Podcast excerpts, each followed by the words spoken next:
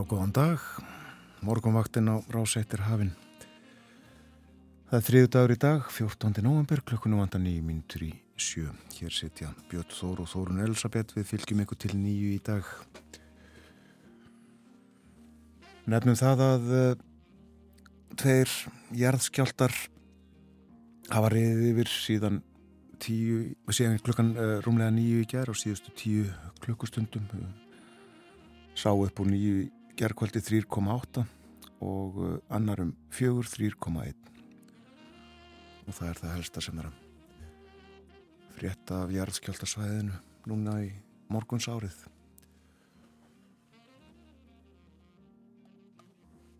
en uh, undibúningur fyrir uh, það að uh, mikla verka reysa varnargarða um hverfis svartsengi hósti gær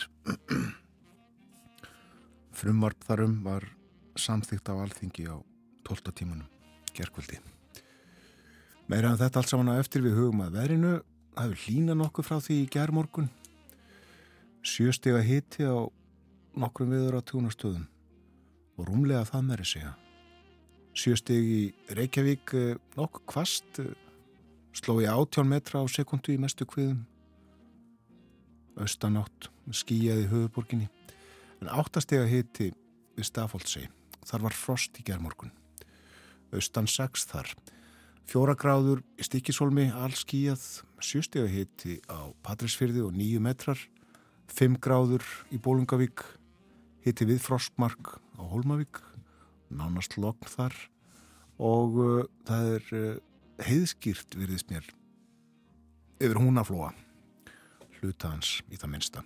Einstigsfrost á Blönduósi, sjöstega hitti á Söðunisvita, þrjár gráður á Akureyri nánastlokn, þryggjastega hitti líka á Húsavík, fimmstega á Rauvarhöfn, þrjár gráður á Skeltingstöðum, fimmstega hitti á Eilstöðum, lítilsáttar regning þar klukkan 6, hægur vindur, sjöstega hitti á Höfni Hortnafyrði, 6 gráður á Kvískerjum, fimmsteg á Kirkjubæðarklöstri, sjöstega hitti á Stórhauða og kvast austan 21 metri, kvassara í kviðum, sjöstig í Árnesi og uh, hitti viða við frostmarkið á Hálendinu og kallt á hverja völlum fjórastega frost þar. Svona viðræði klukkan 6. Og það segir í hugleðingum öðurfræðings að í dag er enn einn dagurinn með austanátt í vændum. Vindstyrkur viða 5-13 metrar á sekundu en 13 til 18 sem að telst all kvass vindur í vindstrengjum á sunnanverðarlandinu. Skúrir austanlands og með söðurströndinni en yfirleitt þurft annar staðar. Það dregur úr vindi á morgun, sumstaðar verður dálítil rigning en þurft og bjart veður á norðanverðarlandinu. Hiti í dag og morgun er frá því að vera í kringum frostmark í innsveitum fyrir norðan allt upp í 7-8 steg að hita sunnanlands. Og svo segir það er útlitt fyrir tíðinda líti veður þegar hortur á veðurkort fyrir restina af vikunni. Það verður svona sagt svipa veður áfram austanáttir og eh, svona þokkalega hægur vindur. Kólnar smám saman segir á förstu dag og lögadag í sponni. Við þakkum fyrir það, eh, gott að lesa vita að eh, veðrið verður eh, þokkalegt, það eru þetta miklu betra þegar aðstæður í landinu eru erfiðar fyrir. En uh, það er hálka eða hálkublettir víða á vegum og uh, til dæmis á nokkrum leiðum á Vesturlandi, uh, víða á Vestfjörðum og á flestum leiðum, bæði á Norðurlandi og Norðausturlandi og halka eða halkublettir víða á Östurlandi. Það er krapi raunar á fjörðarheiði og faradal og ófært um uh, mjóafjörðarheiði. Svona eru aðstæðunar í landinu þennan morgunin, uh, þennan þriðjúdags morgun, í ákomin uh, 14. november. Ímislegt á dagskrá morgumvaktarinnar í dag, tal og tónar eins og gengur og uh, allir við hlustum ekki bara á fyrsta lag þáttanist þennan morgunin. Jú, það er Sweet Georgia Brown. Þetta eru Benny Carter and his Chocolate Dandies.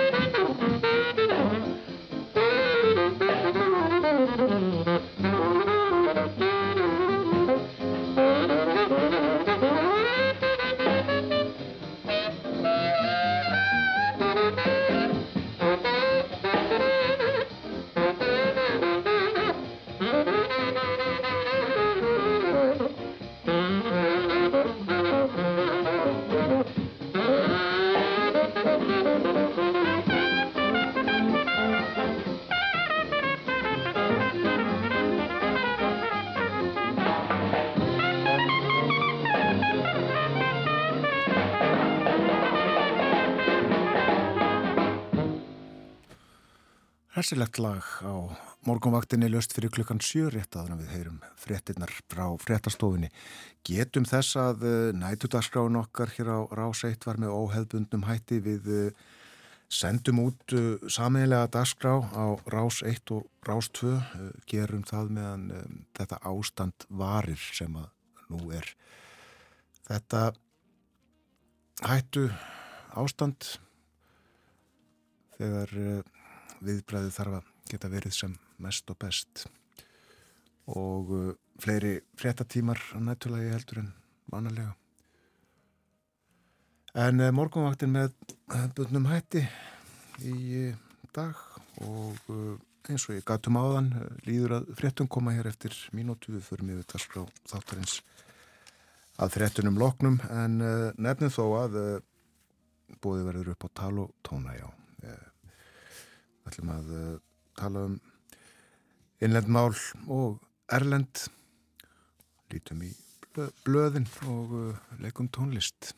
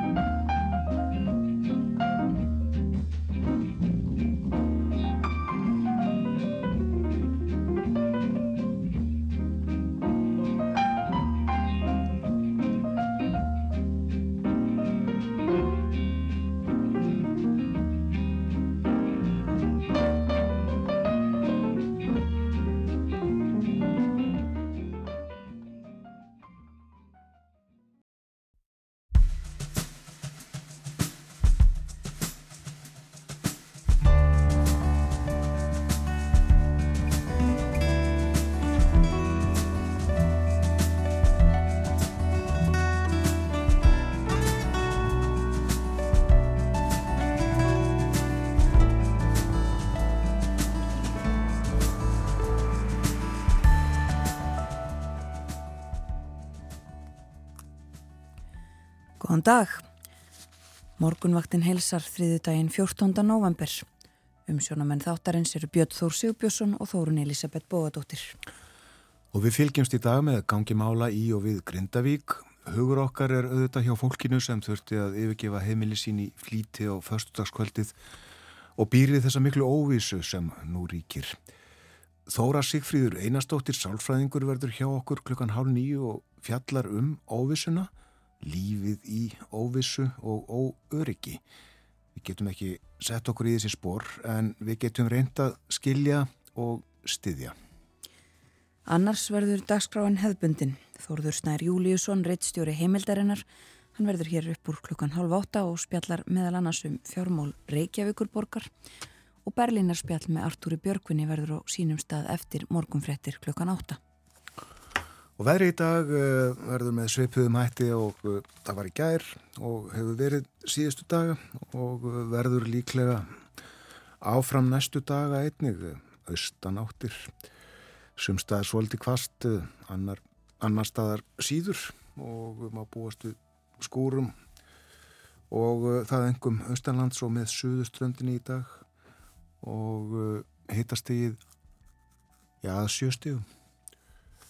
Þetta er uh, ágætis höstveður sem enn er hér á landinu og uh, það þótt að uh, nógumber sé næstum því hálnaður.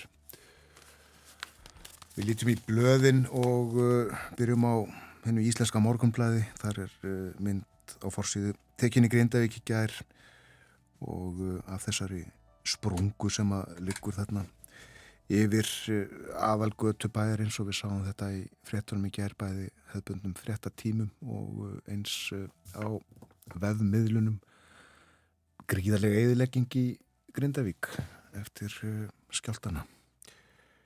Tjónið blasti við Grindvikingum segir hér í fyrirsögn en uh, fólk fekk að fara heim í gerð, uh, skjótast inn í húsinu á heimili og uh, sækja nöðsynir og annað fólk, eitthvað sem að munir sem að sem fólk vil passa vel.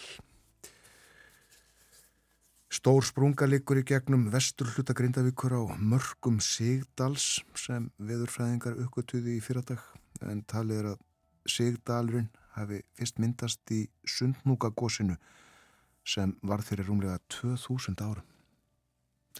Hún er löngi arðsagan og fjallaðan þetta líka ítalega í blæðinu í dag. Eh, hér á fossiðu er uh, líka sagt frá því að uh, það voru krakkarnir í Hagaskóla sem fóru með síður af holmi í Skrekk sem er hæfileika keppni grunnskólanema í Reykjavík úrslitin í borgarleikúsinu í gerð og segur atriðið það heitir Lítu upp taktu eftir og um hvað fjallaði það?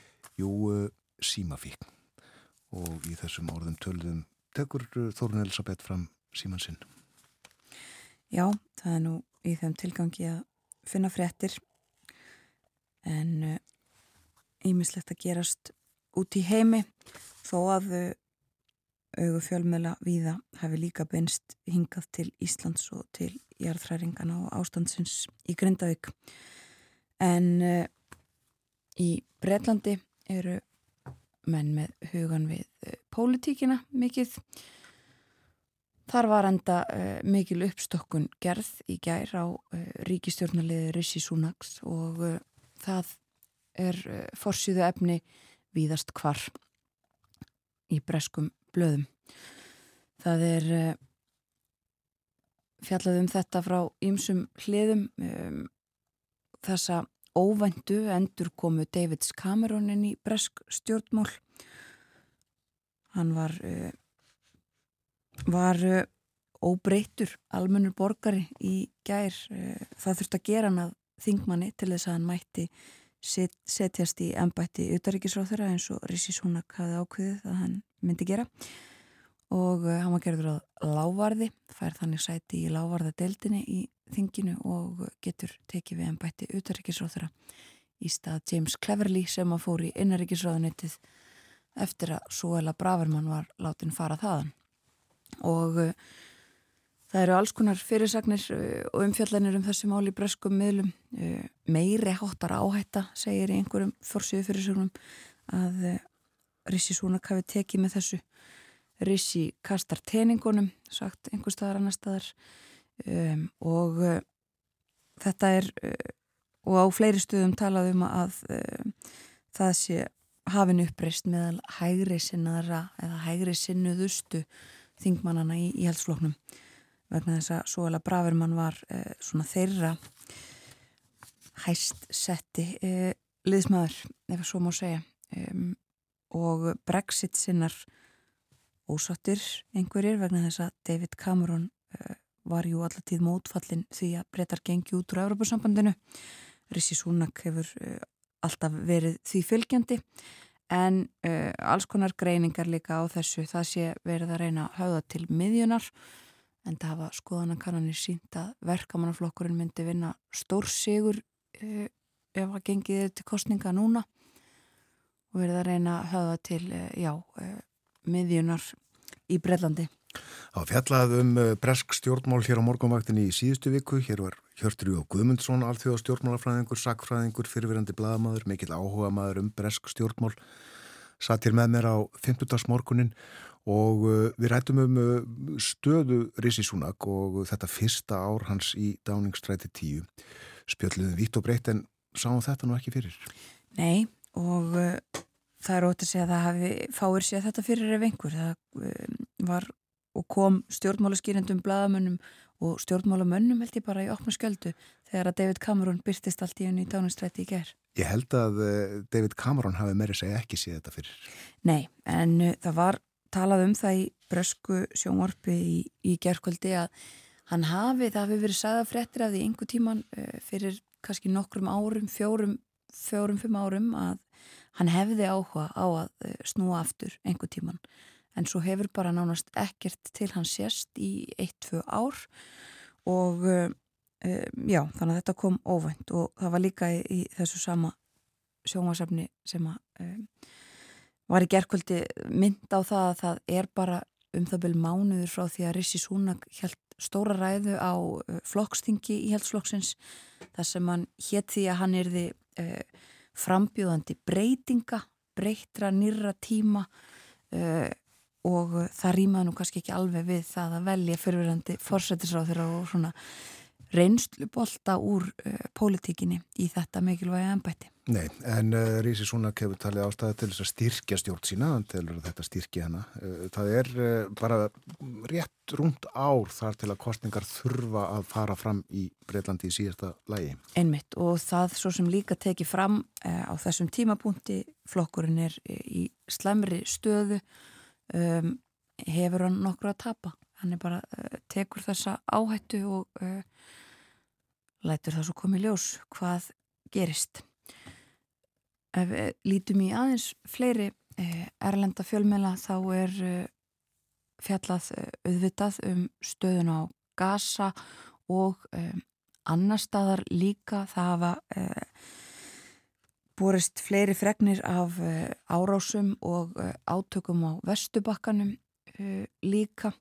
En Ísraelski herin er, er komin og hefur umkringt stærsta spítalagasa Al-Shifa, við höfum hýrt af þessu í fréttum og harðir bardagar sem að geisa allt umkring og það hafa þúsundir manna flúið þennan spítala en um, helbriðsjöföld hafa sagt að um, aðrir sjúklingar uh, sem eru alvarlega veikir eða slasaðir komist uh, ekki neitt og það uh, á líka við um lækna og annað helbriðstarfsfólk á, á svæðinu.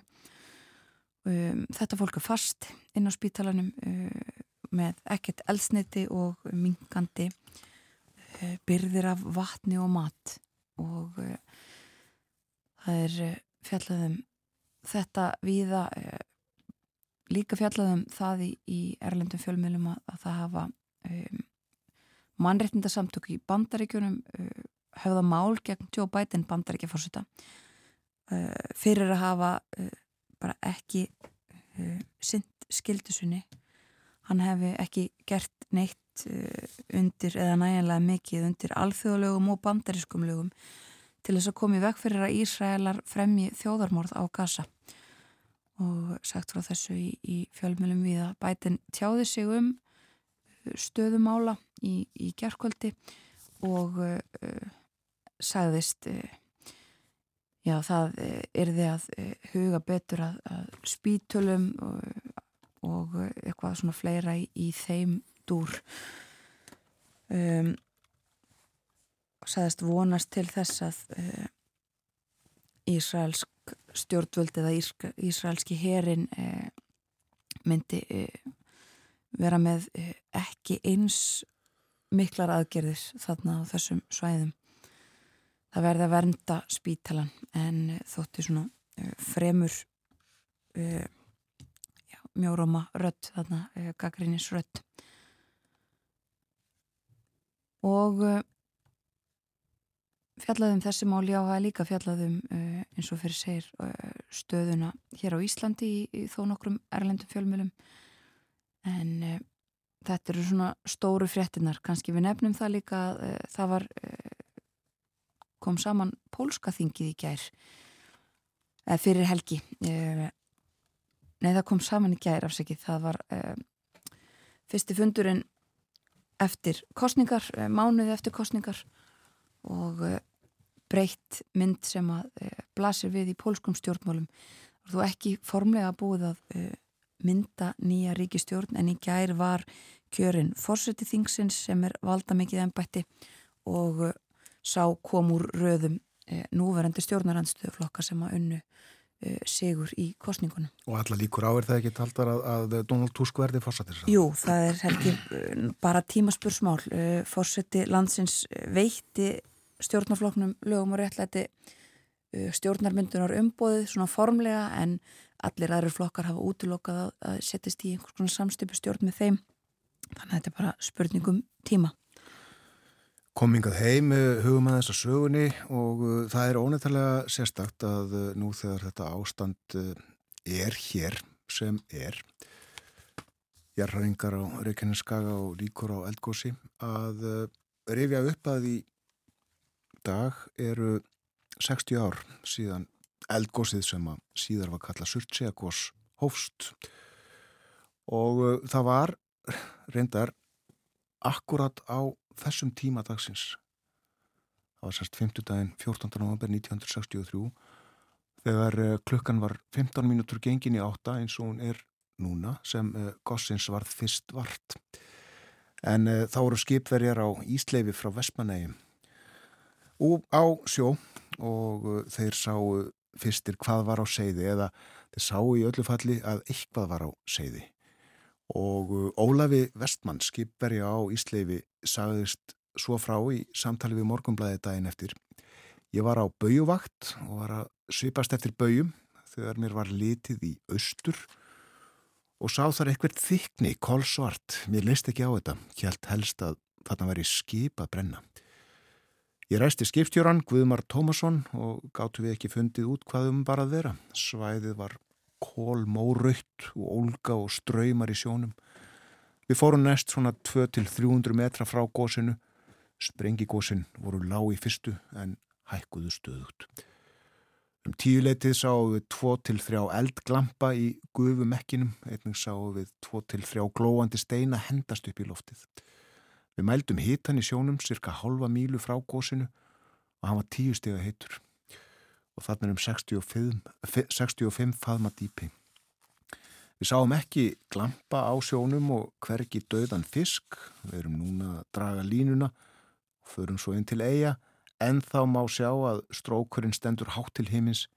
Ég hef verið á sjónum í 42 ár en aldrei séð annað eins og þetta, aldrei nokkuð tíma.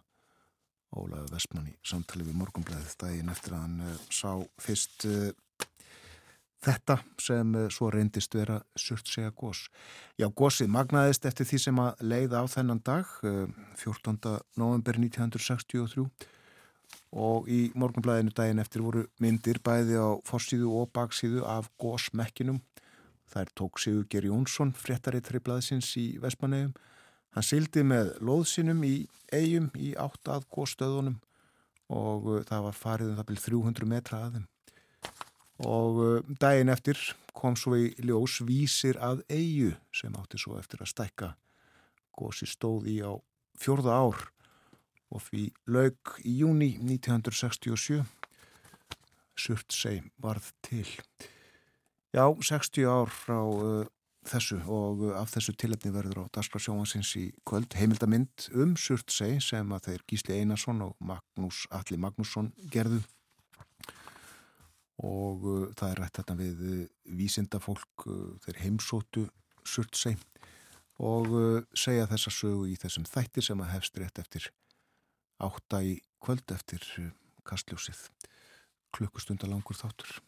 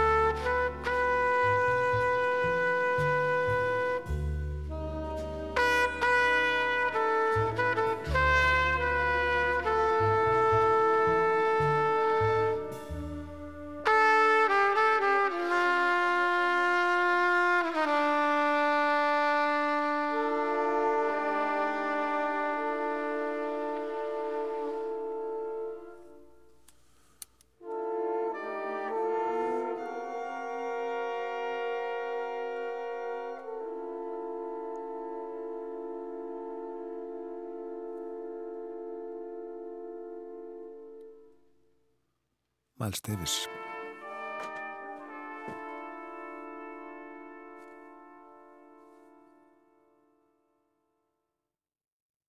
Ég var aðeins svo fljótur á mér stafsókninu á því. Að þess að stjórnmálum uh, það var það lögum þetta frumvarp sem að fórsættisráð þeirra mælti fyrir á þingfundi sem hóst í hádeginu í gær, hún sað okkur frá því. Katrín Jakobsdóttir var gestu morgunvaktarinnar hér í gær morgun og uh, Það má segja að uh, þetta séu að einhverju leiti neyða lög sem að þarna voru samþygt uh, vikið til hlýðar lögum um ímsa uh, þetti sem gerir stjórnvöldum kleift að hefja framkvæmdir við Vardmagarða í Svartsengi í dag og undirbúningur hofströynar í gæri eins og við heyrðum í frettunum í morgun. En Á þingfundi í dag þá mun að eh, loknum óundibúnum fyrirspurna tíma Dómsmálar á þeirra, Guðrún Haftinsdóttir flytja þinginu skíslu, munlega skíslu um eh, almannavarnar ástand á Reykjanes gaga og hún mun eh, vantilega fara vel og ítalega yfir ástand og horfur. Og á fundi efnahags og viðskiptanemdar sem hefst upp úr nýju þá eru efnahagsmál á Reykjanes gaga á dagskrá. Koma gestir fyrir nefndina. Þetta var úr uh, pólitíkinni eða af uh, alþingi störðum þess í dag. Nú, uh, það líður að frettæfleti hjá okkur fáum það eftir þrjárminútur. Eftir það verður Þórðusnar Júliusson, reittstjóri heimildarinnar með okkur. Við ætlum meðal annars að tala eins um uh, þessi nýju lög uh, og uh, við tölum líka um fjármál Reykjavíkuborgar og ymislegt fleira. Eh, reynum að tala um eh, þessa fyrirhugðu gjaldtöku fyrir, eh, fyrir komu lægið sem koma á til að taka gjald af rafbílum rafbíla eigendum öllu heldur. Og fleira nefnum við líka Marel líklega. Svo minn ég á að Artur Björgun Bodlason verður með okkur eftir frettinnar klukkan átta Berlinarspjall og klukkan hálf nýju þá verður hjá okkur Þóra Sigfríður Einarstóttir, hún er sálfræðingur. Við ætlum að uh, tala um uh, þessa óvissu sem að grindvikingar búa við núna og uh, eðlilega vanlíðan sem fylgir. En eins og áður saði er fréttaðið litið hér næsta dagskrá.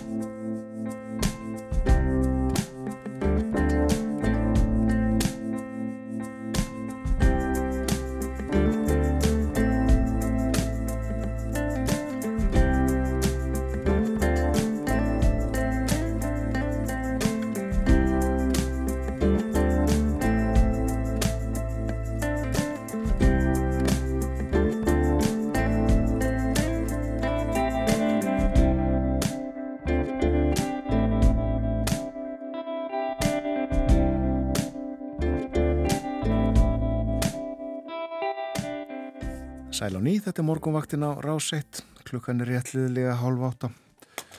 Það er þriðu dagur í dag, komið 14. november. Það er uh, útlitt fyrir brágetisveður á landinu í dag, uh, verður austanátt eins og verið hefur síðustu daga og það verður austanátt áfram næstu daga sínist okkur. Vindræðin kannski 5-13 metrar, kvassara þó í vindstrengjum á sunnaverulandinu. Má búast við skúrum austalands einnig með suðuströndinni en verður þurft annar staðar og uh, bara nokkuð bjart víða, sólinn mun skína okkur. Hiti að sjöstegum mildast sunnan til. Minni á að uh, Artú Björgun verði með okkur eftir morgun fréttinnar klukkan átta og uh, klukkan hálf nýju. Þá verður hér Þóra Sigfríður Einarstóttir Sálfræðingur. Nú er komin til okkar Þorðusnar Júliusson, reittstjóri heimildarinnar. Góðan dag Þorður. Góðan daginn. Við ræðum ímislegt uh, í þessu spjalli uh, í gerðkvöldi eins og við höfum minnst á hér uh, í morgun þá var, var samþygt frumvarp fórsættisráð þeirra um vernd mikilvægra innviða á Reykjaneskaða það mál orðið að lögum og þarna er lagt á gjald til þess að fjármagna meðal annars það sem að nú er að hefjast bygging varnakarða utanum svartsengi. Uh, byrjum á að ræða þetta. Uh, hvað fælst í þessu og hver uh, kostnöðurinn er? Já, þetta gjald kallast forvarnagjald, er lagt á tímabundi til þryggja ára og er bara í einfallega sínum nýr skattur sem er lagður á fasteinnis út frá brunabótabandi og öllum sem er, eru eigendur fastegna sem eh, bera brunabótamatt eh, er gert að greiða 0,08 prómíl af virði Eh, fastegna, brunabótamati fastegnana í þennan skatt. Þetta eru aldrei ákveðinu rugglingi vegna þess að það er ekki ótt sem prómíl eru nótuð e, þegar er lagður fram frum upp en mér skilst að það sé arlið úr, úr, úr, úr lögum um ofanflóðasjóð. E, eh, prómíl eru nú oftast nótuð til þess að mæla áfengismagn í blóði e, en nú til þess að útskýra þá er prómíl 1,10% þannig að þarna er um 0,0 0,8% af brunabótamati sem þýðir svona til einföldunar að ef þú átt fasteitt sem er með brunabótamat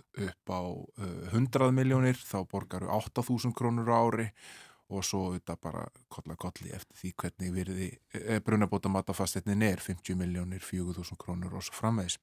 Þetta er kannski réttrumlega hattrættismiði eitthvað svo leiðis?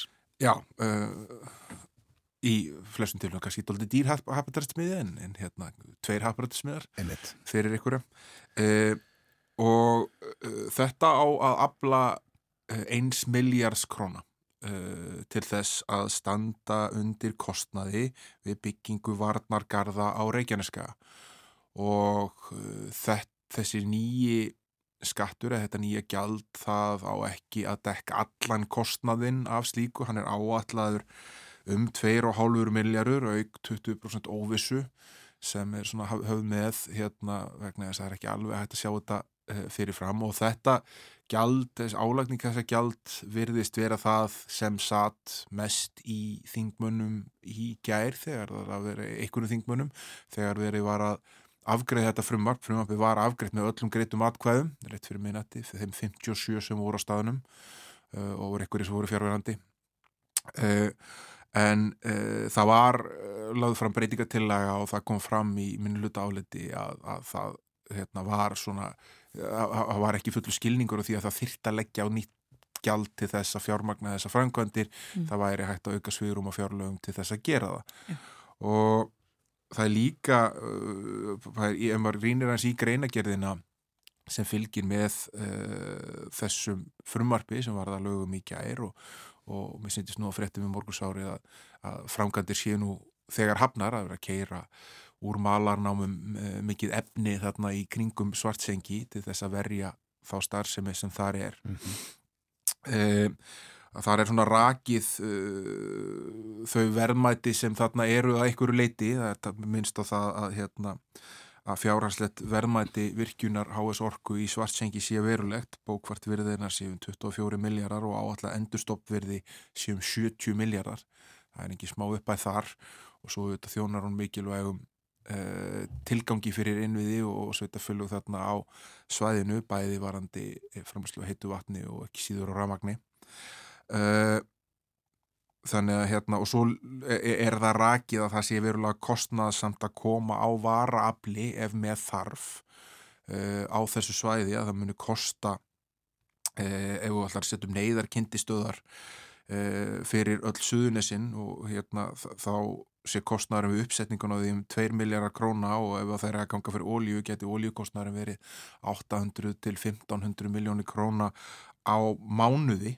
Mm á mánuði sko, það er ekki smá uppæð líka fyrir utan auðvitað e, hvað það gerir fyrir markmið okkar í umhverjusmálum og annað slíkt að ætla að fara að brenna ólíu í neyðarkyndi stöðum til þess að, að halda ramagni á, hérna, á, á Suðunisjón en þetta er auðvitað svona daldið íkt sviðsmynd sem þarna hefur verið að tekna upp. Mjög ósennilega það þurfa að gera neyðarkyndi stöðar fyrir öll Suðunisjón eða hjó eftir því að uh, í meiruluta álitinu uh, þegar að vera afgreða frumarpið í gær þá var uh, lögð tölverð áhersla á það að það muni ríkja mikið gagsægi um ráðstöðun þessara fjármuna sem á að innheimta með þessu nýju gjaldi. Og það er meiri hlutin meiri hluti hérna, í nefndinni beindi því til dómsmálarhæðar að við, við hafa virka upplýsingagjöf til alþingis um þær aðgeri sem ráðist verður í og útgjöld ríkisins vegna þeirra uh, og, og sérstök áhersla lögða það vegna þess að það hefur verið að leggja á nýgjöld. Já og uh, nefnum það aftur sem við sögum frá hér fyrir morgun að það verið fjallað um efnaðasmál á Reykjanes Skaga á fundi efnaðas og viðskiptarnendur alltingis núna uh, upp úr nýju. Já, þetta er auðvitað hérna, þótt að öll áherslan þarna sé á að, leggja, að vernda þessa innviði og, og, og talað um, um orkuverið, þá eru auðvitað fleiri fyrirtækið þarna, til dæmis Blálónið sem er hérna Eh, ristort ferðjónustu fyrirtæki og uh, maður hefur séð það að umræða, hefur hef byrjað umræðum það hver á þáttækja fyrirtæki að vera í því að, að, að verja þau vermaði sem eru þarna. Og hún mun auklust halda áfram uh, þegar líður á vikuna og hlutir fara að skýrast. Uh, en það er alveg auglust að þessir atbyrðir sem hafa átt sér stað á undanföldnum dögum og hófust svona af þessum mikla krafti sýta þess á förstu daginn og, og stóðu yfir helgin að hafa haft mikil áhrif á viðskiptalífið. Kaupöllin í gær var eldrauð og öll félög lækuðu uh, og maður sá alveg að þau félög sem verða kannski sennilegast fyrir beinum áhrifum uh, lækuðu ágætlega skart, uh, síldavislanu þetta sem á vísi hérna, sem er með starfstöð í Grindæk og hérna, gríðarlega mikilvægur aðtunupóstur í Grindæk lækkaði umtalsvert tryggingafélug uh, eða þau sem félug sem eiga tryggingafélug lækkuðu eða vegna þess að það er undir uh, áhættu þóttur og svo þetta Æslandir uh, því að það er ljóst að, að svona atbyrður eru áhættu þóttur í, í, í rekstri flugfélaga sem, sem uh, uh, þurfa að hafa uh, aðstæður til þess að geta flutt farþega hinga til lands þannig að hérna uh, þetta uh, svona áhrifin þau tegja sér mjög við Já, við vöktum þetta auðvitað Þórumsnær en uh, þú varst hér síðast á þriðudaginn í síðustu viku og uh, eftir spjallokkar uh, reyndar setjipartin eða undir kvöld þá uh, var tilkynntum fórstjóraskipt í hvað stærsta fyrirtæki landsins, Marel? Já, sem hefur svona oftar en ekki verið stærsta fyrirtæki landsins uh, svona hérna uh, og, og, og það fyrirtæki kannski uh, með ísliska rætur sem hefur náðið einna með einna mestum árangri á alþjóðlum vettvangi, hugvits fyrirtæki og farið svona í gegnum hefbundin vöxt alþjóðlegs fyrirtækis með alls konar stórum yfirtökum og með starfsemi í mjög mörgum löndum og er tvískrað á markað bæði á Íslandi og Hollandi. Þetta gerðist ansi rætt, það eru auðvitað verið uh, mikla umræður um, um, um hvaða áhrif uh, svona, þessi mikli samdráttur í markasverði Marels uh, á ekkert svo löngum tíma hefur haft á stöðu stæstu eigandana. Fyrirkomulega á Marel er þannig að, að það er e, fjórstíkafélag sem heitir Eirir Invest sem heldur að hona tæplega fjórðungs hlut og stæstu eigandur í Eirir Invest eru feðgarnir Átni Óttu Þórðarsson og Þórður Magnússon. Og þar eru líka Landsbankin og, hérna, og Lífyrísjóðir og einhverju minni engafjórstar hlutafar og Átni Óttur hefur verið fórstjóri Marel í tíu ár og var þar áður stjórnáformaður félagsins í átt ár, þeir eru búin að vera stórir fjórfrestar og leikendur í Marel í mjög langan tíma þeir fækar og uh, þeir tóku stórt bankalán í fyrra haust á, á háum vöxtum þar sem þeir leggja hlut í Marel, svona beitt 8% hlut í Marel uh, undir sem veð til ásins 2026 og eru þá í raunverulega veðja á það að veriði Marels muni jafna sig á ný, það hefur auðvitað, eins og við hefur rækið hér áður, eh, lækkað verulega mikið á síðustu misserum. Og hérna, og það sem gerist er það að Arjónbanki, sem er lánveitandi þeirra begja, hefur framkvæmir svo kallar veðkall á hérna, og það gerist þannig að þegar fjárfæstar taka lán þá er þeim með svona veðþekju sem kallað er það. Þú leggur fram tryggingar fyrir því að þú getur endur greitt lánið og, og það tryggingarnir eiga ofta að vera yfir 200% af því sem þú ofta hérna, færða láni e, vegna þess að þetta eru hlutabrefið annars líkt, þá eru þau þetta fallveldi verði og svo ef þú ferð undir eitthvað mark sem til dæmis 150% þá er hægt að framkoma vekal. Já, það er það skila brefuna. Já, eða koma með nýjar tryggingar koma með eitthvað nýtt að borðinu sem færir þess að þekju upp og svo eh, er ekki alveg meitlaði stein hversu langt upp þú þarfst að fara aftur. Og það sem við erum staðið gert þarna er að, að, að þarna hafa átt sér staðið einhverjar viðræður um það að, hérna, að þetta triggerast eða þess að það verður veðkall að fer niður fyrir eitthvað ákveðumar og bankin kalla þá eftir nýju tryggingum og, og samkvæmt yfirlýsingu átna odds sem segir Rassir sem fórstjóri Marels og, og, og setur sjálfa sig síðan í greiðslustöðum sem er heldur ekkit lítið skref til þess að reyna að skapa sér sveirum til þess að vinna úr þessari stöðu mm -hmm. er að uh, það er einhverja viðræð sem er í gangi að hann telur sig hafa lagt fram nægilega tryggingar uh, gagvart bankanum og bankin kallar samt inn brefin og gerir slítið sama gagvart föður hans og og hérna og úr er orðið mjög, mjög opimberar deilur á milli einstæðsta banka á Íslandi og þessara manna sem hafa verið einna stæstu fjárfestar á Íslandi eh, á undaföldnum árum sem já, eru mjög aðeinsverðar. Já, þetta er auðvitað með uh, að öllu leiti mjög óvinnlegt. Það virðist vera hérna, það er ekki mörg svona dæmum að hugsa tilbaka á undanfötnum árum að svona laga hafi gerst að minnst að kosti með ofnbörum hætti og í jafn miklu ósætti. Á milli jafn, svona stóra, þegar jafn stórir aðilar eru undir og uh, þetta hafði þau áhrif á brefi í Marel dagana eftir að það, þau lækkuðu uh, og svo reyndar hækkuðu aftur aðeins uh, undir lókviku uh, þannig að hérna uh, það verður mjög aðtilsvert að fylgjast með framgangi þessa máls og sjá hvað þetta endar. Já, en uh, greiðslu stöðun, já, það er nú svona hugtak sem er yfirleitt notaði yfir einhverja gjörninga sko hjá fyrirtækjum. Yfirleitt fyrirtæki sem að fá greiðslu stöðun Uh, maður heyrir ekki ofta að þið allavega sagt frá því að, að, að einstaklingar komist í þessi stöðu óski eftir að fá greiðstöðun sem að, að domstólar þurfa að samþykja það ekki? Jú, en það, þetta er greiðstöðun er orðið virk og það er búið að skipa uh, umsjónum að ný greiðstöðun og uh, hugmyndin er vantalega svo að reyna að verja einhverja stöðu. Það er búið að leysa til sín hlut í hérna Eiri Invest Arjónbanki er búin að gera það bæði einhvern hlutað en þeir eiga enþá, þeir eru enþá langstæstu eigandur í Eiri Invest. Framundan uh, virðist vera hlutafjárökning í Eiri Invest. Það þarf að fá með inn meira fér til þess að létta á skuldastöðunni og uh, þá teknast upp svo stað að hverji geta tekið þátt í henni og hverji fátaka þátt í henni. Þeirri hlutafjárökningu hafa feðgarnir bólmagt til þess að gera það. Uh, hvernig munu hinnir stóru hluthafarnir, landsbankin og, og, og stóri lífyrsjóður uh, nálgast þetta verkefni?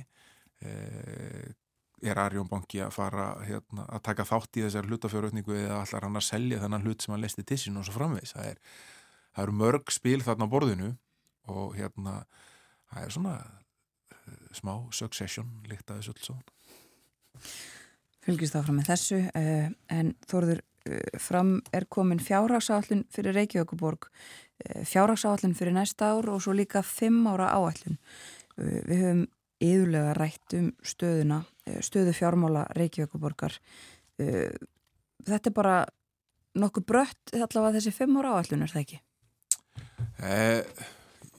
eins og oft vil verða hérna þá liggur unnveruleikin einhver staðar mitt á milli digubarklegra yfirlýsinga. Uh, þetta er auðvitað kannski skára en áhorðist uh, engin vafi, það er reikna með að við horfum bara á allutan sem er svo hluti sem á að vera reikin uh, fyrir skattekjur þá er búist við því að það verði að þetta rekstra niðurstaðan verði ákvæð strax á næsta ári. En ég menn það er reikna með 4,8 miljardar tapi á allutanum í ár og uh, að uh, rekstarniðusna verði ákvað á næsta árum 591 miljón. Það hafa náttúrulega verið töluverð frávik í raunveruleikanum og áallanum. Það, það hafi verið það og hérna og, og þetta, veist, eru bara eins og hérna við blasa við og ofta við komum fram að þetta, staðan hjá sveitafélugum yfir höfuð er bara mjög erfið og flókin, hún er erfið og flókin vegna þess að verðbólka er að fara ítla með það Uh, mikið af, af, af verðtriðum skuldum sem, sem vikta þungt. Uh, málaflokkar sem hafa farið yfir frá ríkinn til sveitafélagi eins og málumni fallasfólks sem hefur ekki fyllt nægilegt fjármagn með varandi þá uh, í, í samræmið þá þjónustur sem þau eru að veita eru þungir. Og skortur á viðhaldi á byggingum hérna á árónum eftir hrun sem var bara verulegt. Eh, Sveitafjölu voru ekki að sinna viðhaldi að sama dampi og þau hefðu þurft að gera er að býta þau mjög fast í rassin núna uh, og, hérna, og valda í ykkur tilfellum auðvitað bara því að, að viðhaldsteysi ger það verkum af mikilvæg hús eigu þeirra sem hýsa mikilvæg starf sem eru bara grotna niður vegna miklu og annars líks. Mm -hmm. Þannig að hérna, þetta er auðvitað, sko yttra umhverfið er ekki uh, hérna hefur ekki verið uh, mjög blíkt við sveitafjölun en það eru uh, auðvitað jákvæði hluti, það er verið að, að skera nýður og það og skila 3 miljónur strax á næsta ári og það var í samræmi við það sem sem uh, meirulutin í Reykjavík og Borg talaði um. Og svo eru þetta uh, tekjuaukning og hún er alls konar, hún er þetta hérna vegna fjölgunar íbúa það skilja meira útsvari, það er mikil fjölgun í Reykjavík um, og herri fastnaskattar það skiljar auknum tekjum líka og svo eru svona óreglulegri liðir en þú veist það eru til dæmis arðgreislur og orkuveitunni eiga að hækka mjög mikið. Eh, það er þannig að í ár voru það rúmlega 5,1 miljardur til Reykjavík borgar og strax á næsta ári er að vera 5,6 miljardar og við munum að töluna sem ég nefndi að reksturniðustöðuna var að það er meir og minna all, all jákvæðinin í reksturniðustöðunni sem á að koma þarna inn e, sem hérna, auka argreifsla frá orkuveitinu og svo er það að halda áfram að vaksa og verða 7,5 miljardar á árunnu 2027 og 2028 þá líka að selja perluna strax á næsta ári, þá skilja 2,2 miljardum í, í eignasölu. Uh, þannig að það er ímislegt sem auðvitað, getur farið þannig að, hérna, að það samrýmist ekki áallunum uh, stórir póstar, ef að textildumis ekki selja perluna fyrir það verð sem uh, stemtir að, þá mun mm. það hafa mikil áhrif. Ef orkuveitan getur ekki staðið undir argriðslunni nákvæmlega eins og reknaði meðinni ef hún rekkar til dæmis um, um halva miljardi eða miljard þá er það strax fyrir að áhrif og svo framvegis. Þannig að hérna það má alveg segja að ég myndi svona segja að þetta sé varnarsigur hjá borginni frekar en, en einhvers konar uh, stórsigur. Það er, uh, staðan er betri og það er uh, það er svona leið fram á við sem Eh, lítur allt í lagi út og svona undirliggjandi hlutfull eins og skulda hlutfull bæða á bér hlutans eh, stefna undir það viðmið sem, sem eh, lögsetja eh, í nánustu framtíð. Þannig að hérna, það er jákvægt en, en það má ekki rosalega mikið út af bera og það verður alveg að hafa huga með það. Þetta er sko sannarlega ekki búinn slagur ekki á Reykjavík frekar en okkur öðru sveitafélagi hérna, svona stæri sveitafélagum í landinu sem klíma mörg hver við sambarlega vandamununni sá að Reykjavík hefur kannski fleiri vopni vopnabúru sem er til að taka stáðu Já, og uh, stórir málaflokkar eins og þessir uh, sem þú nefndir á málumni fallast fólks og uh, sem að enn eru ólistir fjármögnunum allavega frá sveitafélagana Já, þú veist, þetta verðist þokast eitthvað áfram og það er mikið samtali í gangi uh, um það að leysa þetta það var þegar í upphafi þess ás þá var, hérna, var heimil til þess að hækka útsvar gegn lækun á sköttum til þess að mæta einhverjum aðeins um hallar, mm. það er viðkenning á að hallin sé til staðar Já. og svo er svona aðeins karpaðum það hversu, hversu mikið hann sé, hversu mikið halli á sveitafélagin uh, í þessum efnum en ég minna það er, mér heyrist það að vera samt um álit flestra að það er ekki valmöguleik að fara að skerða þjónustu við, við fallað fólk til þess að, að, að, hérna, að brúa þetta bíl sem þarna er þannig að það þarf að finna einhverja lausna á því. Segjum þetta gott í bíli, takk fyrir í dag Þóruðsnau Júliusson, reittstjóri heimildarinnar. Takk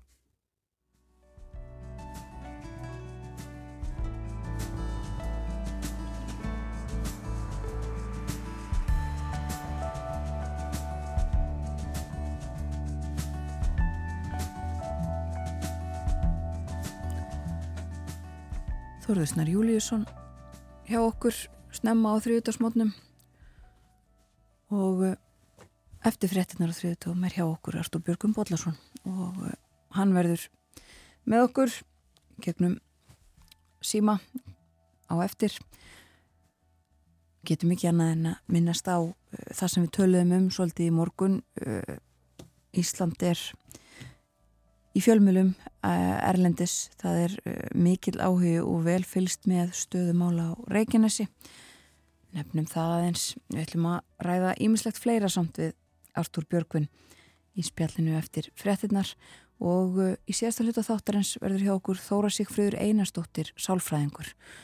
Við ætlum að uh, tala eins um stöðuna uh, líðan fólks uh, sem að þurfti á förstu daga fara frá heimili sínu uh, og veit kannski ekki hvenar eða hvort það getur snúið þangað aftur. Þóra verið með okkur í síðasta hluta þáttarins. En næst á dagskrá eru morgunfréttir, er koma á slæjunu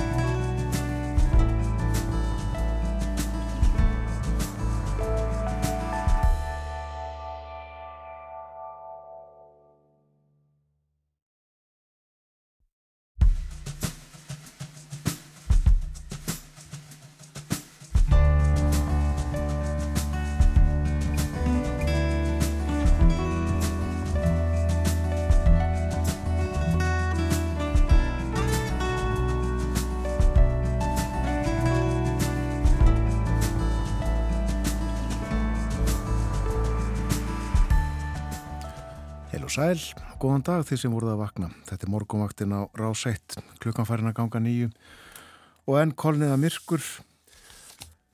Dagurinn stýttist enn, ætli að taka ekki að byrta bara rétt um eða upp úr nýju í dag, ég eh, held það.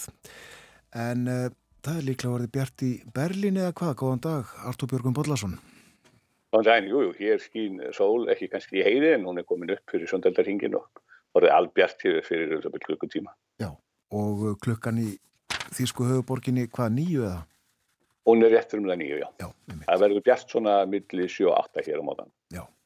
En það verður dimt, hins vegar frekar snemma sem það að leita á Íslandi því að það verður dimt núna hér á meilandinu eða hér á þessum slóðum svona um, um fimmlindi sko. Já, svona er gangurinn í þessu.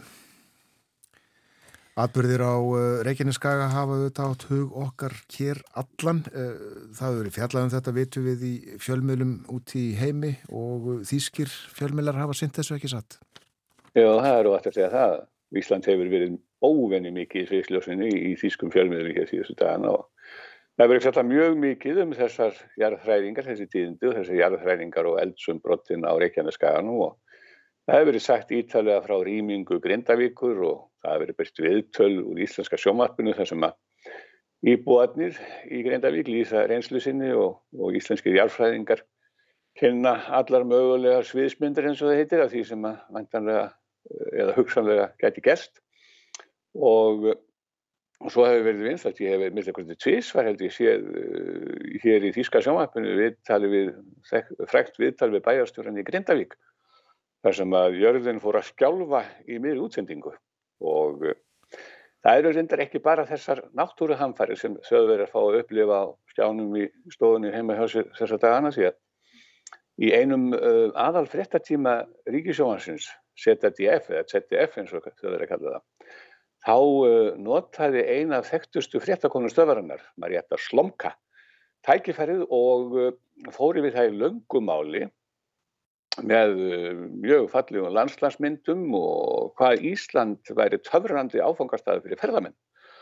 Og þetta er nú svo litið sérstatt og telst að við getum nánast einstæmi. Ég, sko það er oft sem að Þíska sjónarpi fýtur myndir um hamfarir, jálfskjálta og aðrar harmungar í útlöndum. En ég man ekki eftir því að, að, að Þískur fjölmiðil hafi í miðri frásögn af eldgósum eða jarðhræðingum og öðrum náttúrulega hamförum flétta svona ferðmanna áróðri inn í umfjöldunum á. Og þessi flétta í miðjum aðal fléttatíma eh, sjómansins að hún sínir bara enn og aftur hvað þjóðverðar hafa mikið dálæti á landin okkar og náttúru landsins og, og þó ég sé reyndar ekki með nýjustu tölur hérna við hendina þá man ég eftir því að til skamstíma voru jú þýskri ferðamenn sá hópur ferðamanna sem dvaldi lengst allra á landinu. Og uh, það er sem sagt daldi sérskennilegt að sjá þetta svona í miðri umfjöldunum um hörmungar að Ísland sé nú aldrei land sem hægt sé að heimsækja og það sé margt fallið þar annað heldur en bara, bara Reykjanesið.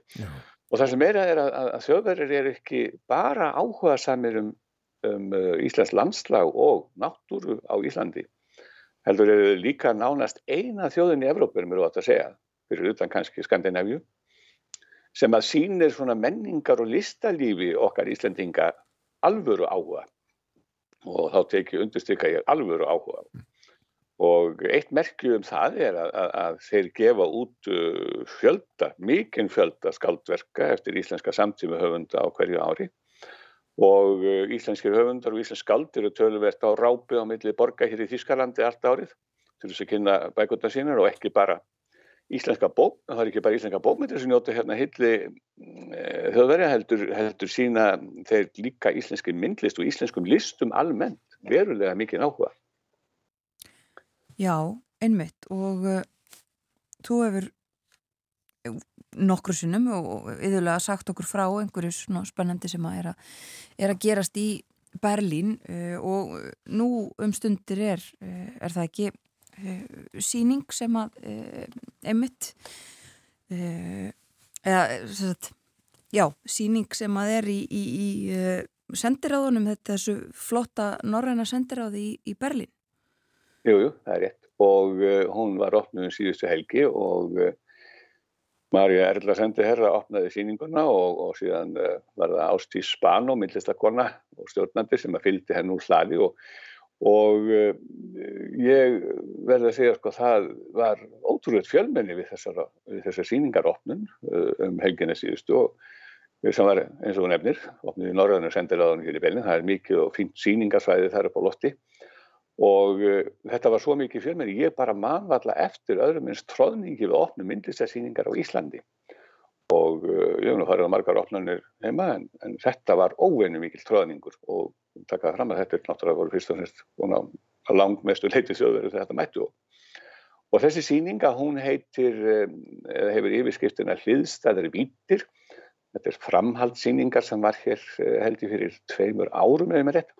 Og þetta sína hátt á þriðja tug fulltrúa íslenskar nútímalistar verk sín af mjög margvíslegu tægi en rauður þráður í síningunni er þá samspil listatækni og vísinda. Mjög gaman að það er sko verið að sína hvernig, hvernig eh, listamenn íslenskir nota eh, tölvutæknina til dæmis til þess að vinna verk með hennar hjálp. Og þetta er óhemju spennandi og lífleg síning og fólk var alveg gapandi yfir eins og þetta var verið að sína sérstaklega svona tækni undrum á sig hvernig hækni var nýtt og listamennin voru að skýra þetta líka út hvernig þeir runni myndlist með hjálptækninar og, og þessi síning eh, hefur upp skorið törfæst mikla aðvikli í fjölmjölum hér í, í Þísku höfuborginni og ég með þess að vekti á Þíska útvarpinu þar sé Radio Berlin Brandenburg eh, um daginn og þá var að byrja heilmikil umfjöllun, það er ríkistöðin hér í Berlin RBB 24 eins og hann er kvölduð og þá var að byrja laung og ítalega umfjöllun um þessi íslensku síningu og það er nokkið hverjum degi sem að sem að það gerist að Íslands myndlist fái mikið rými hér í fjölmjölum en, þarna mótti heyra við törfi nokkura listamennina sem er að sína í Norrannur sendiráðunum. Og meðal annars þá var rætt þar á einsku við, við uh, tónlistarmannin og tónskaldi Kjartan Ólafsson. En hann var að kynna mjög áhugavertja tón og dansverk er á síningunum og, við opnum það þá króaði ég sjálfur kjartan af út í einu hodninu og, og baði hann um að segja mér frá þessum tónlistakjöldingi sínum og, og sömurlegis rættum við svolítið um gerðvigrind og hlutverk hennar í, í, í listsköpun og uh, ég held að það sé bara rétt að við heyrum þessar vangaveltu kjartans um þess að lýsingu hans á sínu einn verki og síðan það sem hann hefur að segja um gerðvigrind. Já, ég er að kynna hérna verkefni, samnorrent verkefni sem heitir Kalmus Veits sem er eh, tónlistar og dansverkefni þar sem ég nota gerfigreind og við öll til þess að eh, semja tónlist í rauntíma og eh, við vorum tvö ára undirbúið þetta, þetta er norrænt verkefni, það eru fulltrúa frá öllu Norrlundunum og við útbyggum þetta þannig að dansararnir fengu að stjórna tónlistinu og með aðstóð gerfigreindar er allt hægt. Og Þetta var síning sem var sínd á listahátti 2016 í Reykjavík. Og markmiði var að nýta þessa nýju tækni til þess að geta gert allt í rauntíma. Dansararnir voru mjög hamgisamil því að þeir loksins gáttu þeir stjórnað öllu, bæði tónsmíðaframöndunni sem og hljóðfærarleikarnum því að þetta er gegnum uh, nýju tæknina þá var þetta þráðlust, hreyfinga dansararna sendu inn skilabóð til tölvkerfisins Kalmus sem að samti á, á eh, augnabliki innan sekundu tónlist sem að heyrist í hátalunum og spilaðist líka af í allt og allt í syngi eða sérst allt samtímis. Og þetta var sérstaklega kynnt hérna núna og við erum mikið að tala um gerfugreind og sérstaklega að tala um allar hættunar og allan terrorismann sem að menn halda. Og við vorum með hérna, umræður á eftir þessar síningu, við síndum verkið. Og marga fyrirspunni sem komu og það var nær fullur salur hér uppselt á hérna þennan fyrirlestur og þessa síningu og uh, margar skemmtilega spurningar en ég uh, síðasta sem að ég sagði var beðin að segja loka orð og það var einmitt það sem er mikið umræðið einmitt hér í Þískalandi sem á Íslandi og í Evrópu. Er mun gerfigreindin tortimajörðinni og ég leiði mér að vera aðeins svona besser vissir því að ég er búin að fá þessa spurningu oft og menn segja já, nú er það Bill Gates og Stephen Hawking sem hafa sagt að gerfugrind er mest að hætta sem að kvílir yfir mannkenninu og þegar maður fór að hugsa um þetta þá er þetta, er þetta byrjuð, erum við stöttið ykkur bandarskir bíómynd? Mun gerfugrindin endilega tortum í jörðinu þannig að ég sagði bara frá þegar hérna í lokin að, að allan að mín skoðun, ég vona ég hljófi nú ekki mjög arrogant, en er svo að það getur vel verið að gerðugrindin muni bjarga heiminum í staðan að tortima heiminum. Af hverju skildi gerðugrind tortima sjálfum sig? Og svo er líka, fyrir utan það að geta bjarga heiminum, gert hann betri, þá er aldrei reikna með því að sko mannsugurinn, sem ég hef nú ennþá til dæra mikla trú á og við öll, hann líka getur vaksið með þessu. Lært að nota þetta, uh, lært að nýta sér þetta og þannig að þetta voru síðustu orðir. Gerfigreindin mun ekki tortið með heiminu, hún mun gera hann betri og meira spennandi. Kjartan Ólásson, tónskáld uh, um framtíðina, hann er bjart sít, bjart sítnið en margir þegar hóttið til gerfi greindarinnar. En uh, eigum við hér síðustu mínútur, uh, Artur Björgvin að tala um söguna fara aftur í tíman til 9. november 1923. Já, það var örlaga dagur í sögu þýsku þjóðarinnar og Þess var enda minnst hér í síðustu viku að 9. november er margfaldur örlaðadagur í Þýskri sögu. Þú nefndir hérna 9. november 23 en þá gerði ofstækisfullu sjóðættu sinni, sem heit Adolf Hitler á samt félagunum sínum, vopnaði uppreist í munnsinn sem var bara niður með harði hendi og lendi svo í steininum. En setna átti þessi sami ofstækismæður eftir að ná völdum í Þískalandi eins og heimurum veit og steipa Þísku þjóðinni í einhvern mesta fórendíki ábeldis og grimdar í veraldarsögunni. Og uh, svo er það 9. november 1933, það er bara árið eftir að nazistar og Hitler komast til valda. Þá æstu þeir fylgjetu sína til þess að ráðast með gríðarlegu offorsi og grimd á uh, gýðinga, bæði hér í Belgin og fleiri Þískum borgum. Og á þessari einu nótt sem að stundum með köllu Kristarsnóttina þá uh, kveikti æstur nazista múur í fjöldamörgum bænahúsum gýðinga í Þýskum borgum auk þess að vestlanir þeirra á heimili voru lögð í rúst uh, í það um Þýskaland. Og það er talið að mörg hundru gýðingar hefur verið myrtir þessi einu nótt, er nú svolítið á reiki sem er segja 100, það er segja 5 eða 600 auk þess að rúmlega 30.000 gýðinga voru hann eftir í varðhald og fluttir í fangabúðir og fæstir komast aðan aftur. Og Þessara skjálfilegu fjöldamorða fyrir 85 árum var minnst eh, hátilega aðtöfn í sínagóku eh, hér í miðborg Bellinar. Auk þessum að minningaratöfni fóru haldnar í mörgum fleiri þýskum borgum og eh, það er enda rétt að nefna að allir þeir sem að tóku til máls við þessar aðtöfnir létti í ljósi þungar áhyggjur af þeirri kald hæðni að nú væri aftur farið að ofsækja geyðinga á göttum þýskra borga eins og því miður hefur gerst hér í Þýskalandi og ekki síst hér í Bellin síðustu dagana eftir eftir að stríðið hóstafna og, og Hamas gerði einur ás í Ísæl 7. oktober. En uh, þriði viðbururinn sem að varð þennan örlaðar í kanníunda nógumber var uh, gerðist árið 1989 og hann er nú mörgum í fersku minni. En það var hrun Berlínamúsins og þetta kvöld þá streymduð húsundir íbúa Östur-Berlínar í gefnum op sem að opnuðust á múrnum yfir til Vestur-Berlínar eftir að hafa verið lokaðir inni á bakvið jártaldið illranda í tæplega 40 ár. Og meðal þeirra, það er kannski má nefna meðal þeirra sem voru við aðtöp sem var aldrei með þessu tilefni hér í Belin, það voru frendur okkar frá Nóriði, nefnilega Hákon Prins og Kronprins og, og kona hans Mette Marit. Og til þess að heðra þessa konungluðu gesti frá Nóriði þá var kór, þýskur kór, látin kyrja fyrir þau eh, ja, gamalt og frækt síst þjóðulag sem heitir Die Gedanken sind frei eða hugsanirnar eru frjálsar. Og þetta lag mun upphaflega hafa orðið Rópnaði nú sambandið. Ég ekki skilji þetta stendur á því en uh, þetta gerir stundum.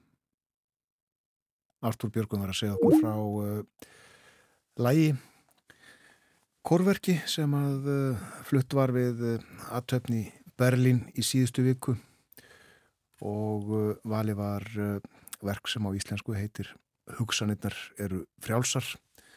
Og við erum með þetta lag tiltækt, ætlum að hlusta brot úr því. En leitað svona skildi fara um sambandi við Artur Björgvin. Við hlustum á söngin fara og segjum góðan dag við Artur Björgur Bodlason aftur að viku liðinni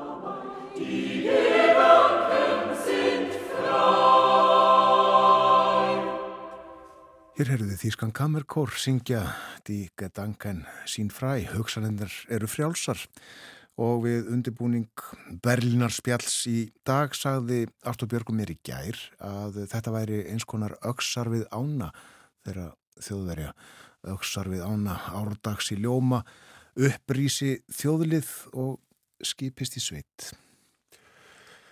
Nefnum þá uh, af innlendum vettvangi að uh, á fundi efnaðs og viðskiptanemndar alþingis uh, í dag sem að hefst eftir tæpa klukkustund þá verður fjallað um málefni Reykjaneskaga, það verður fjallað um efnahagsmál á Reykjaneskaga. Gestir koma fyrir nefndina Ég hef ekki eh, náða að finna eh, og afla upplýsinga um eh, hvað nákvæmlega verður rætt á þessum fundi eða, eða hverjir koma fyrir nefndina til þess að ræða um þetta. Hitt veit ég að á þingfundi í dag þá mun dónsmálaráþara sem er ráþara almannavarnamála flytja munlega skýslu um almannavarna ástand á Reykjaneskaga. Það má búast við að þessi dagskráliður hefis klukkan hálf tvö. Þingfundurinn sjálfur hefst klukkan tvö ætlaði ég að segja. Þingfundurinn sjálfur hefst klukkan tvö á óundirbúnum fyrirspurnum og að þeim lið loknum þá mun þeirra flytja þessa skýslu.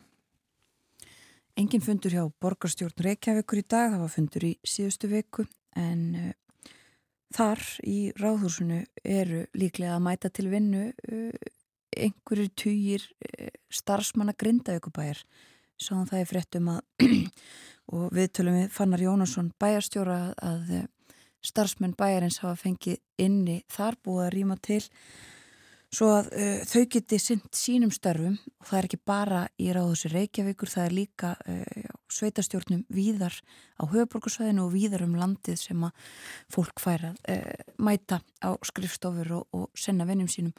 Það er auðvitað að mjög mörgu að huga hjá starfsmunum, starfsfólki Grindavíkubæjar og uh, við ætlum að tala um Grindavík hér á eftir uh, við fáum til okkar Þóru Sigfríði Einarstóttur Sálfræðing, ætlum að tala svolítið um uh, bara það að þurfa að yfirgefa heimili sitt í skyndingu tilfinningarnar sem að bærist í brjósti Grindvíkinga þessa dagana. Og þetta að vit ekki hvenar, eða bara hreinlega hvort takt verður að snúa heim.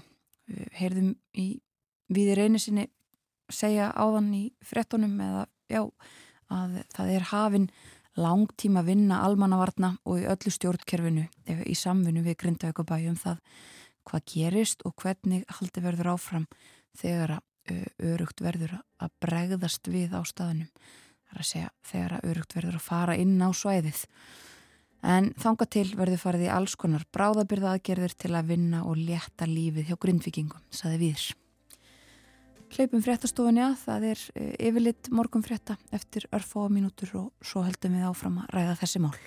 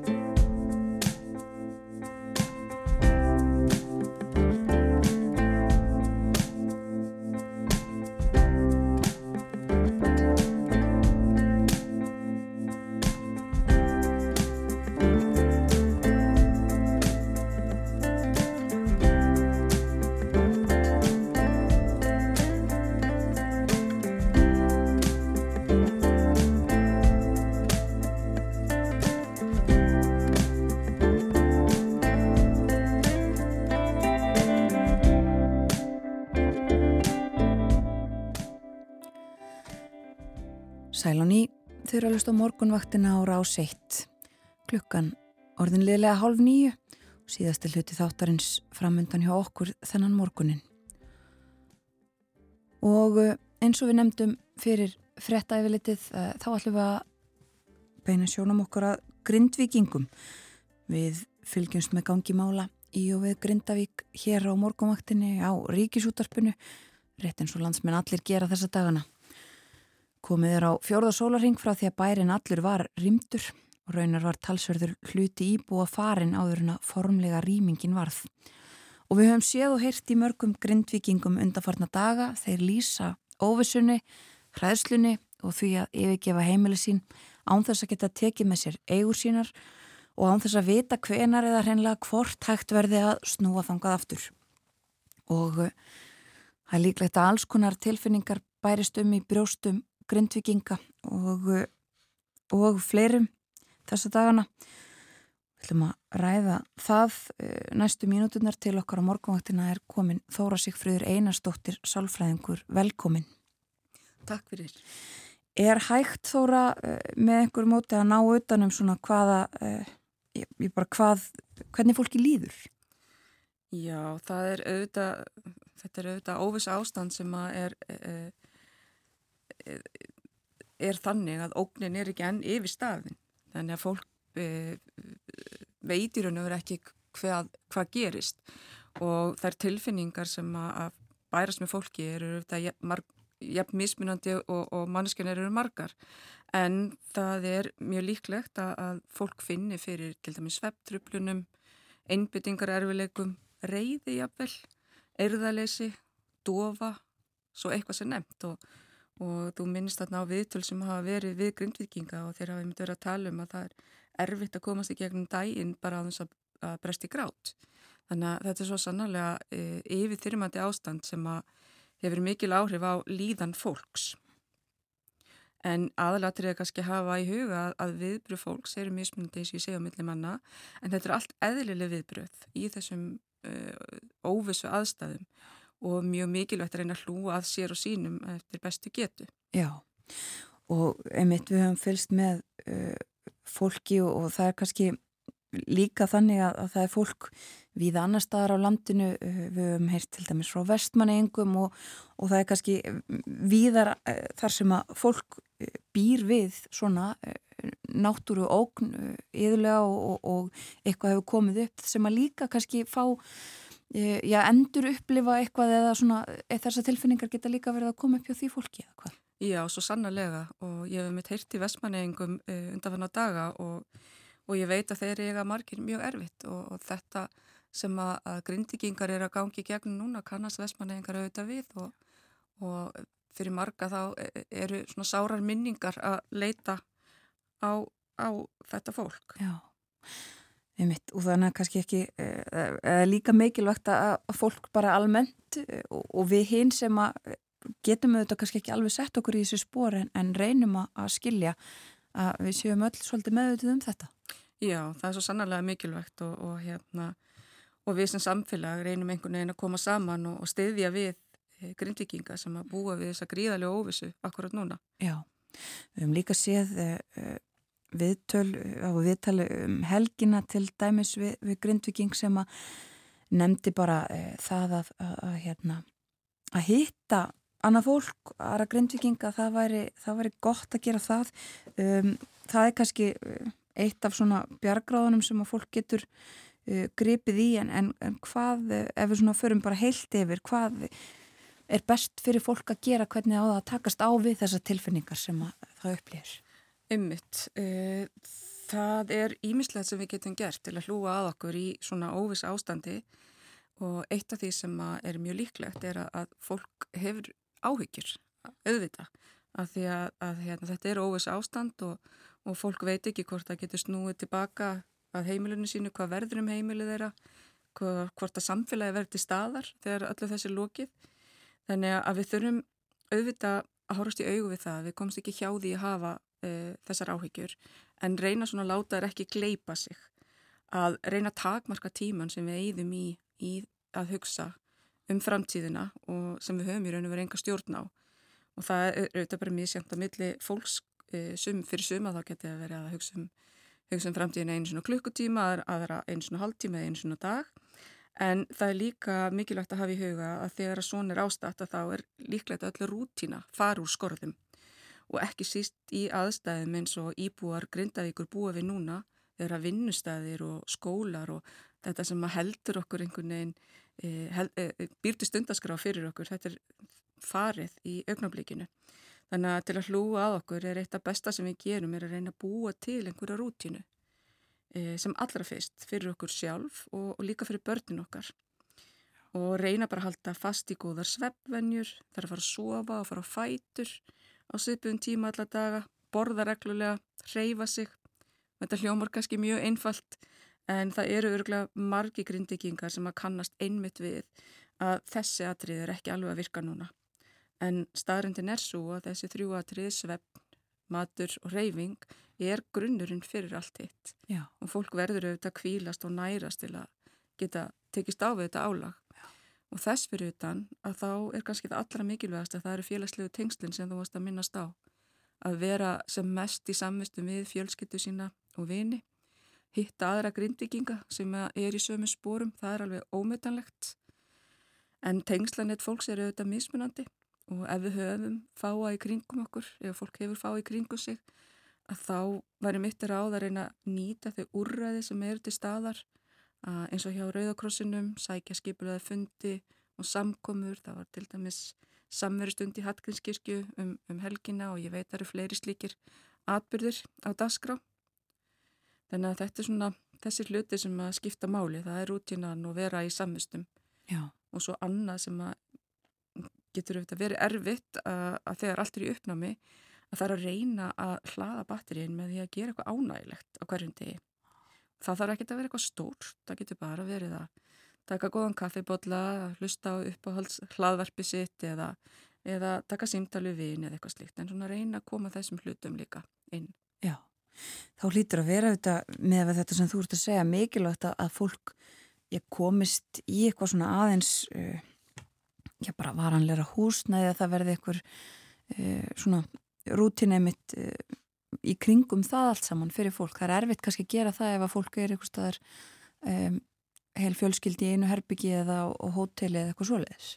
Algjörlega og það er auðvitað þarna sem við sem samfélag komum inn að við þurfum að reyna að styðja við grindvikinga á, uh, á allan máta og meðal annars að reyna að skapa einhvers konar fyrirsjánleika og örgi, það er það sem við þurfum öll á að halda. Já. Það er að vita hvar við sofum í nótt, þannig að, að varanlegt húsaskjól og reyna að stöðla því að, að börnin okkar komið börnin komist í, í svona rútín aftur og geti stunda sinn skóla, hitt sína félaga og, og stunda tómstundir og svo frammiðis.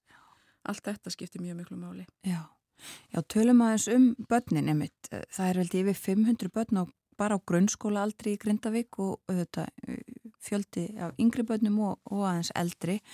Uh, sko, hvernig er best að takast á við þetta gagvart þeim. Já, einmitt.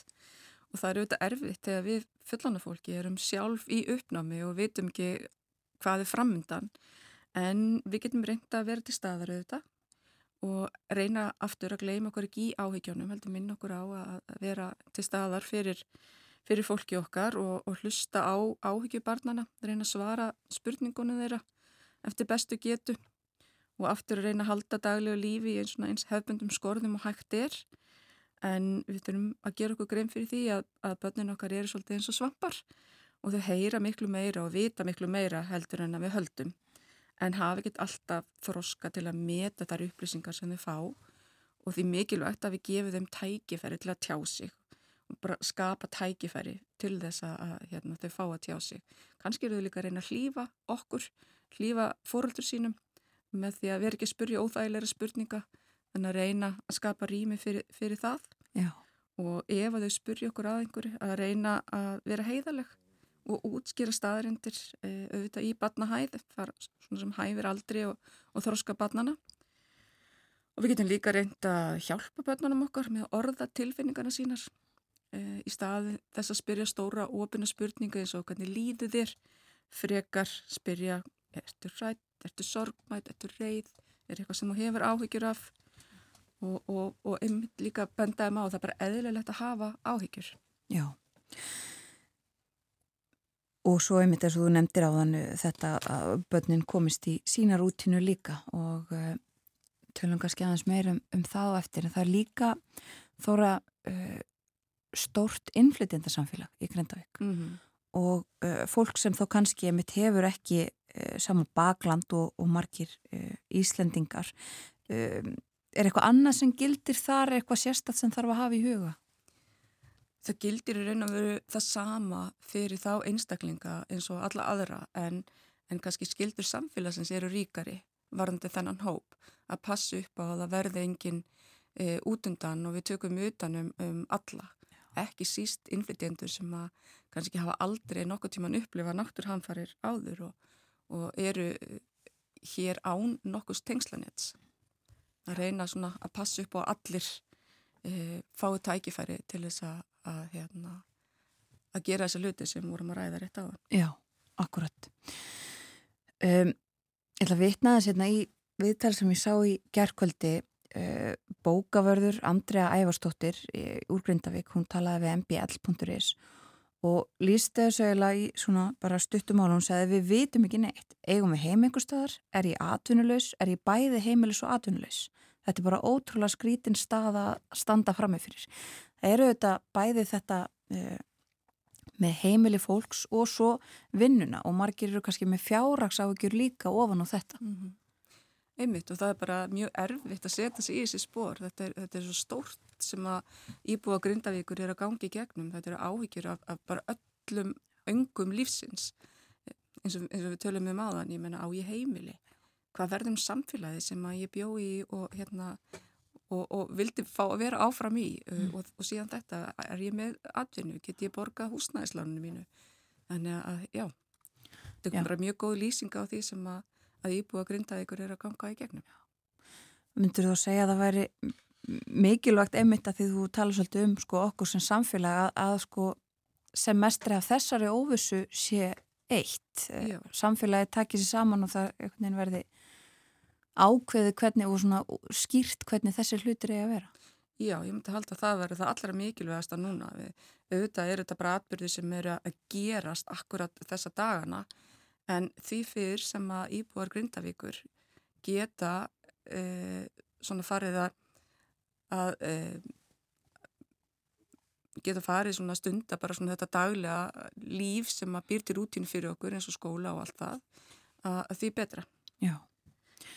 Sko eins og þú nefndir á þann að þá auðvitað er þetta líka og það kannski flæk í málinn að þetta er ekki bara einhver ein, atbyrður sem er yfirstaðin. Mm. Þetta er svona lengri tíma uh, ástand og, og engin veit hvenar þessu líkur eða hvernig.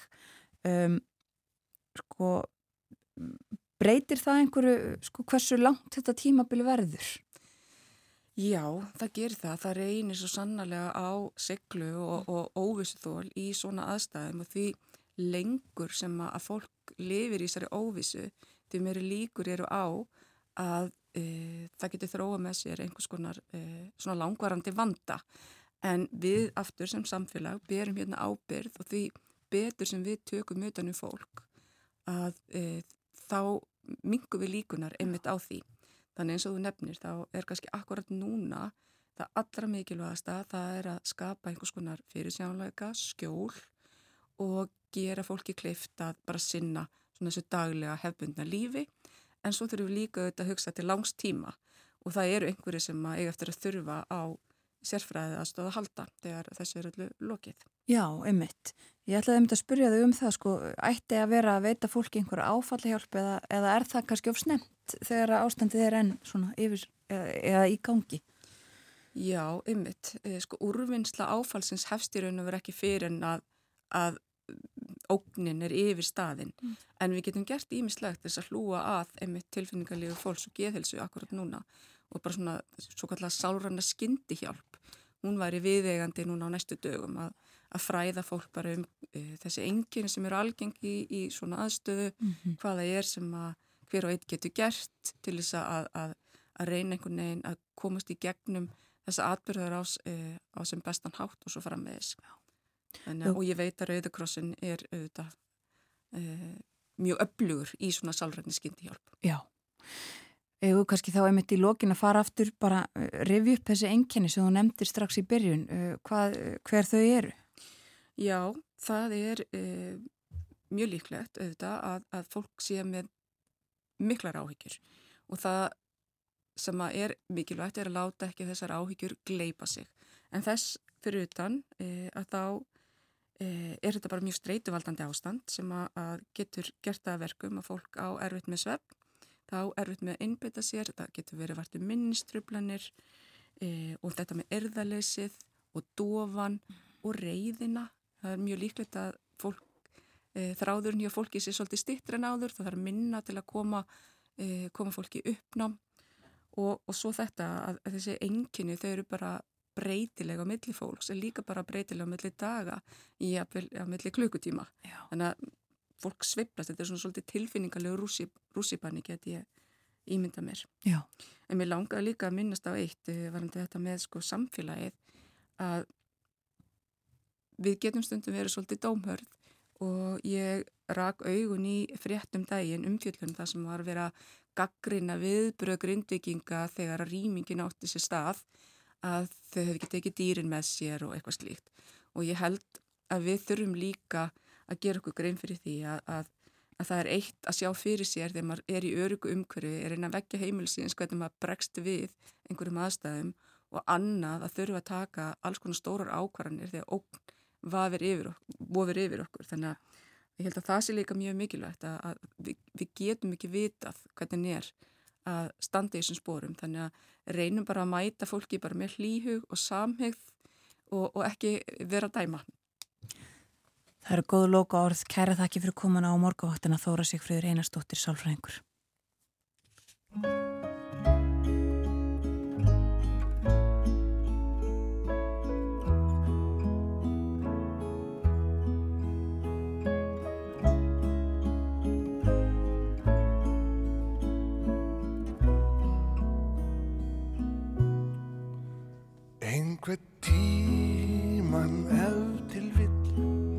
og óra lánt frá þessum stað. Mun ástinn hörfa heim til því og hjartan styrum knýja að. Og innmitt þá og innmitt þar mun ástinn krefja þig um svar. Og þá er rétt að rifja upp orðin mín. Þau eru styrð þau eru fá þau sjálfsagt aldrei flugin á. Þau munu engað síður alltaf býða því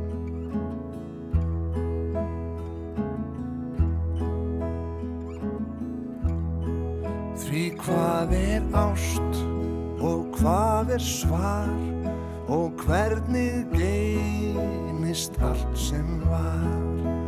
Mundað hvar sem hjartað slær Hamingjan er oftast nær.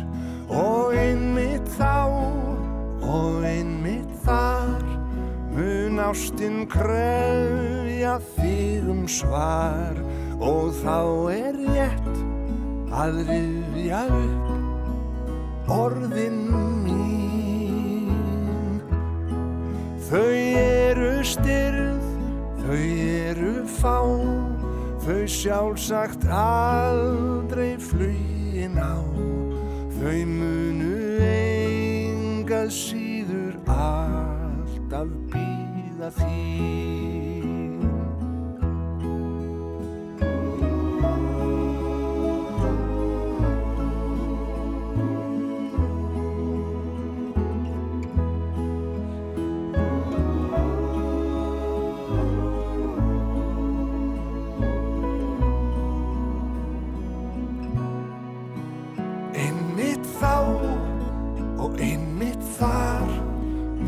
ástin krefja því um svar.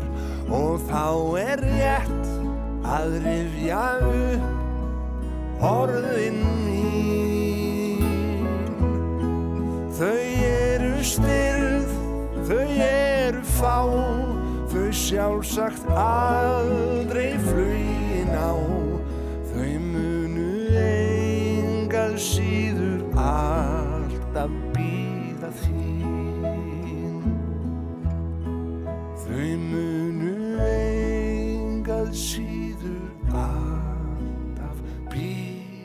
þín.